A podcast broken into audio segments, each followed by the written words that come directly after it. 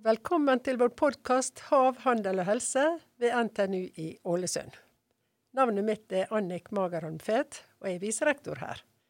I dag så har jeg med meg instituttleder Tove Havnegjerde her i studio, og hun er på instituttet som vi kaller IBA.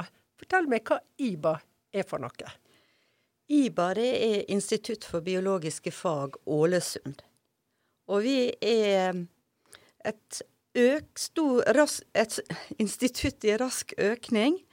Både i ansatte og studenter. Vi er nå ca. 40 ansatte. Og vi har eh, tre bachelorutdanninger. Og det er profesjonsutdanninger. Bioingeniør, biomarin innovasjon og bioteknologi. Og så har vi et årskurs i medisinske og biologiske fag. Det høres nå veldig spennende ut, og sikkert grunnlag for mye spennende forskning. Så eh, er det spesielle temaer dere er spesielt opptatt av når vi tenker forskning og utvikling? Ja, eh, akkurat nå i, i, år så bruker vi også veldig stor eh, tid og masse energi på å innføre ny, nye studieplaner for alle våre eh, studier.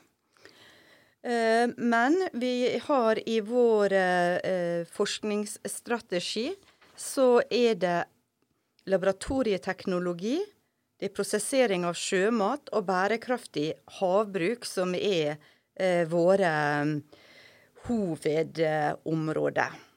Du vet at jeg er veldig opptatt av dette med bærekraft. da. Så Nå snakker du om bærekraftig havbruk. Hva dere legger i det, da? Her jobber vi veldig eh, mye med at eh, med, mot akvakultur. Altså vi har en forskningskonsesjon på 780 tonn med biomasse med laksefisk. Og den, eh, den eh, konsesjonen den blir drifta av Profylaksia AS i i Romsdalsfjorden. Og vi, eh, vi, har da en, en akt, ei, ei eller to der vi kan eh, aktivt bruke fisken til å forske på. Og vi er veldig opptatt av fiskevelferd, og så er det miljøinteraksjonene. Ja, men denne fisken ser der, da, er en er noe dere eh, er der og forsker på, eller er det sånn dere kan få sitte her og lære om fisken, studentene, og følge med? Ja, det er i grunnen begge deler. Um, vi er ofte uh, inne på anlegget uh, og både henter ut fisken, observerer fisken, og vi har utstyrt merdene med sensorer og kamera både over og under vann. Og så har vi ROV-er som også er med på å filme fisken.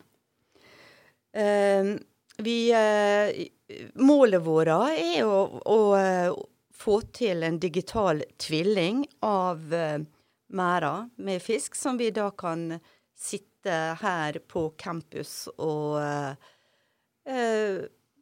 ja, bruke det både i undervisning og til forskning, så studentene kan se hvordan fisken oppfører seg når han blir mata, f.eks. Eller når det kommer store andre fiskearter på utsida av fiskemerdene, og, og se om fisken blir stressa, f.eks. At han flytter på seg. Ja. Dette her har jeg hørt om, og det er jo veldig spesielt å ha en sånn forskningskonsesjon. Dere har også hørt om for økologisk laks. Er det noe dere ser på den begrepet der? Um, vi, har, vi, har, ikke egen konsesjon for økologisk laks. Nei, nei. Og, nei akkurat. Var noe som var tidligere. Det. Ja, ja, ja. akkurat. Ja, nei, men det utvikler stadig vekk, så det endrer seg. Ja. Men um, ja, eh, det er nå eh, fremtiden, det å se på oppdrett og det som vi skal ha ut av havet. Så eh, hvordan ser du framtida på den konsesjonen, forskninga der, da? Jeg syns det er kjempespennende. Vi har, vi har uh, veldig mange stipendiater som jobber uh, inn imot uh, konsesjon. Bare i dag så er de fem stykker som er der eh, inne og tar ut prøver og uh, filmer. Og um, vi har vel totalt uh, ni stipendiater knytta på konsesjonen, da. Så her regner jeg med det blir masse publikasjoner etter hvert? ja, det er jeg sikker på det blir. Kjempespennende. Det er veldig, veldig mye spennende å, å se på filmene som de tar, da. Ja, nå vet jeg at dere er jo enormt gode på biomarin innovasjon. Og våre studenter blir jo både europamestere og ja, norgesmestere omtrent hvert år innenfor temaet ungt entreprenørskap, der det er biomarin innovasjon som er i bunn. Hvorfor er dere så gode på det området, og får fram så fantastisk gode studenter? Nå er våre biomarine innovasjonsstudenter eh, de er nært knytta til Institutt for internasjonal forretningsdrift, og går sammen med deres studenter i flere emner. Uh, dette samarbeidet det gjør at det, de, de, samarbeider eh, tverrfaglig i disse her eh, studentbedriftene. Og det tror jeg er en vesentlig grunn til at de lykkes så godt, samtidig som at de har veldig gode veiledere. Og så er det en annen ting som vi kaller tett på. Hva det vil si? For oss er tett på samarbeid med arbeids- og næringsliv.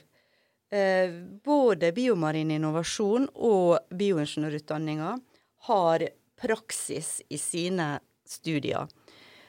Bioingeniørene er, er underlagt eh, eh, nasjonale retningslinjer som sier at de skal ha en viss mengde praksis i laboratorier på sykehus. Eh, våre biomarine innovasjonsstudenter de har to valgemner som de da kan velge å ha praksis i marine bedrifter, om de ønsker det. Eh, på denne måten så får vi et tett forhold til eh, nærings- og arbeidslivet. Vi har også mange gjesteforelesere. Vi har også nærings-ph.d.-er. Vi har ei som har eh, holdt på et par år, og så har vi ei kontrakt som ble skrevet i går. Så um, det, Og det er da um, kandidater som er ansatt i sine bedrifter, men uh, gjør sin ph.d med veiledning fra IBARA. Dette med altså, nærhet til bedrifter, det er jo det som er noe av eh, kjennetegnet for NTNU i Ålesund. Vi er tett på og nært der det foregår, og er god utveksling med studenter som har kommet ut, og, og gjesteforelesere, som du sier. Mm. Så eh, har dere noen eh, Ja, nå vet jeg dere har fått en del nye prosjekter også. Så er det noen spesielle bedrifter dere nå samarbeider med for å utvikle denne nærheten videre? Eh, vi jobber tett med, med Profilaksia AS. Det er altså de som da drifter vår konsesjon. Um, samtidig så har vi uh, um, uh, Ja, vi, vi, jobber da med både Inolipid og Siflov med nærings-ph.d. Og så uh, har vi mange andre bedrifter, lokale bedrifter som vi samarbeider med, da. Er det vanskelig å få tak i studenter her, eller er det mange som søker og trangt opp plassen? Eh, vi merker, altså, vi, vi merker en veldig stor endring etter fusjonen med NTNU. Vi har fått veldig stor eh, økning i søkertall. Vi har søkere fra hele landet. Eh, og poenggrensa for å komme inn, den har økt kraftig. Får de seg jobber da når de er ferdig, eller er de allerede headhunta inn i bedriftene før de er ferdige? Eh, det varierer veldig, ja. Så nei, det, det, har jeg ingen tall på, men for bioingeniør så er nå det ei yrkesgruppe det er mangel på. Ja, og det er vel spesielt nå også, etter covid-19, ja. så er det ei gruppe som vi trenger? Ja, absolutt. Ja. Men de har nå også muligheter til å gå videre på master på fakultetet vårt i Trondheim. Jeg tror denne, dette studiet du snakker om her, eller studiet som dere har på det instituttet, er det vi kanskje kan kalle fremtidsstudiet. For det at det, nå leste jeg nettopp denne her rapporten fra Havpanelet. Og der står det at havet skal stå for seks ganger mer matproduksjon i 2030 enn det vi har i dag. Så her er det altså havets tiår vi går inn i. Og den biologiske biten i deres institutt handler jo mye om hav og havbaserte næringer. Det er eh, veldig, veldig eh, mange spennende utfordringer i, i havet. Altså både, som du sier, mat og, og, eh, og dette med miljø. Så vi må passe på at fisken i merdene har det godt. Vi må nok ha oppdrett for å kunne få nok mat til folk. Så Ja, det var jo også det som var nevnt det og, og sett på i den rapporten som jeg snakka om. da. Og da handler det egentlig om tre ting når det gjelder havet og framtida. Det er å beskytte det mot forurensning. Det er å utvikle mer mat fra havet og fra nye arter. Og det tredje er å skape velferd langs kysten og de som bor langs med havet i hele verden. Så her tror jeg også dere kan uh, utvikle kompetanse som kan komme til nytte for hele verden, slik som dere nå har utvikla området her.